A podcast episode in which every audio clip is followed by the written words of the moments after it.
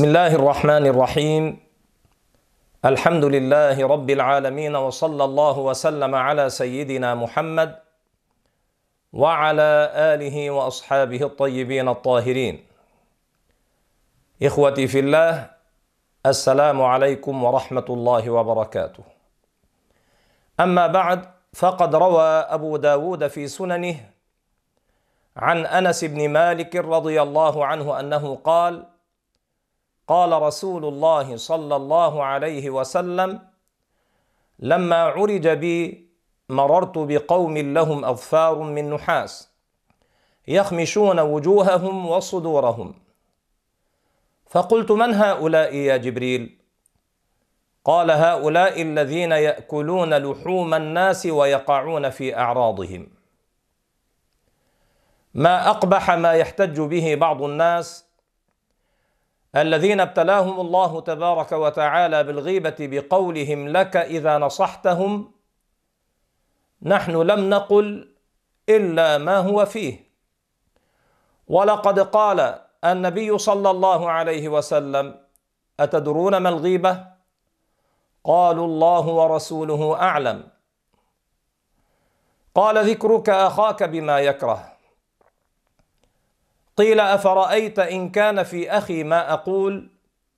قال إن كان فيه ما تقول فقد اغتبته. وإن لم يكن فيه ما تقول فقد بهته. هذا الحديث رواه مسلم. بين رسول الله صلى الله عليه وسلم في هذا الحديث أن الرجل الذي ذكرته في غيبته بما يكره إن كان فيه ما تقول فأنت مغتاب له. وإن لم يكن فيه ما تقول فأنت كاذب مفتر عليه. وأكثر هؤلاء يقولون في إخوانهم ما لا يعلمون. ويتحدثون في أعراضهم وهم غير متيقنين مما يقولون. فلو سألت أحدهم أتشهد عليه بما تقول؟ لقال لا أشهد. أفلا يتقي الله؟ أفلا يعلم أنه ما يلفظ من قول إلا لديه رقيب عتيد؟ وعن ابن عباس رضي الله عنهما قال مر النبي صلى الله عليه وسلم بحائط من حيطان المدينة أو مكة ومعنى الحائط البستان. فسمع صوت إنسانين يعذبان في قبورهما. فقال النبي صلى الله عليه وسلم إنهما ليعذبان وما يعذبان في كبير. ثم قال بلى كان أحدهما لا يستتر من بوله وكان الآخر يمشي بالنميمة. ثم دعا بجريدة فكسرها كسرتين. فوضع على كل قبر منهما كسرة. فقيل له يا رسول الله لم فعلت هذا؟ قال لعله أن يخفف عنهما ما لم ييبسا. هذا الحديث رواه إمامنا البخاري رحمه الله تعالى. ومعنى الحديث أحبابنا أن النبي صلى الله عليه وسلم كان يمشي ذات يوم ومعه بعض أصحابه رضي الله عنهم. فمروا بقبرين فأطلع الله سبحانه وتعالى نبيه على العذاب الذي يجري عليهما وعلى سببه. فأخبر صلى الله عليه وسلم انهما يعذبان بسبب أمر كبير. لكن جملة من الناس لا ينظرون إليه ولا يعدونه كبيرا. فأراد النبي صلى الله عليه وسلم أن يوضح حقيقة الأمر بأنه أمر عظيم يستحق فاعله العذاب الكبير في القبر.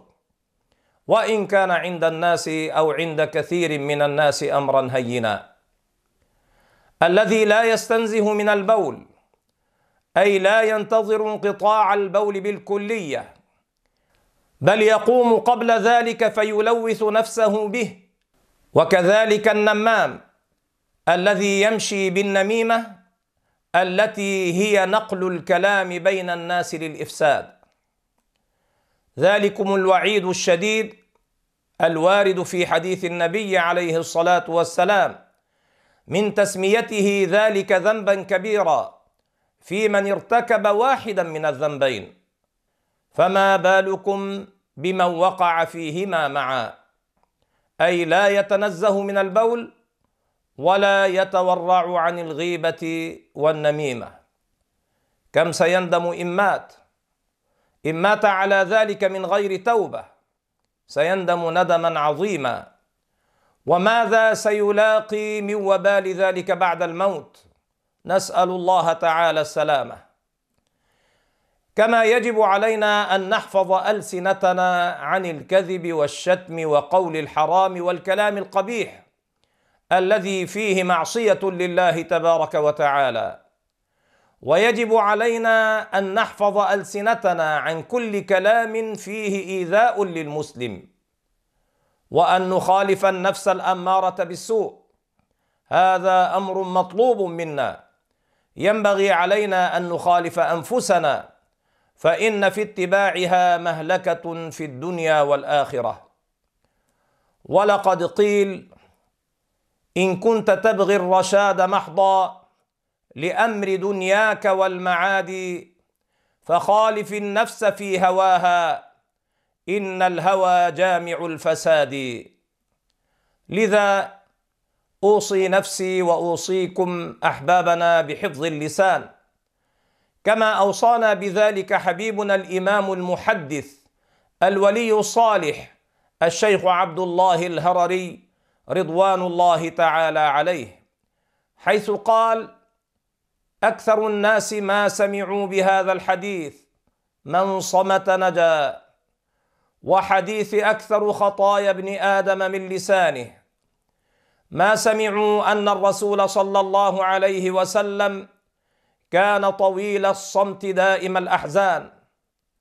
نحن لا بد لنا أن نقتدي برسول الله صلى الله عليه وسلم. كان صلوات الله وسلامه عليه دائم الأحزان. يعني يشعر في قلبه بالحزن. لأنه يعلم أمورا كثيرة من أمور الآخرة ومن أهوالها.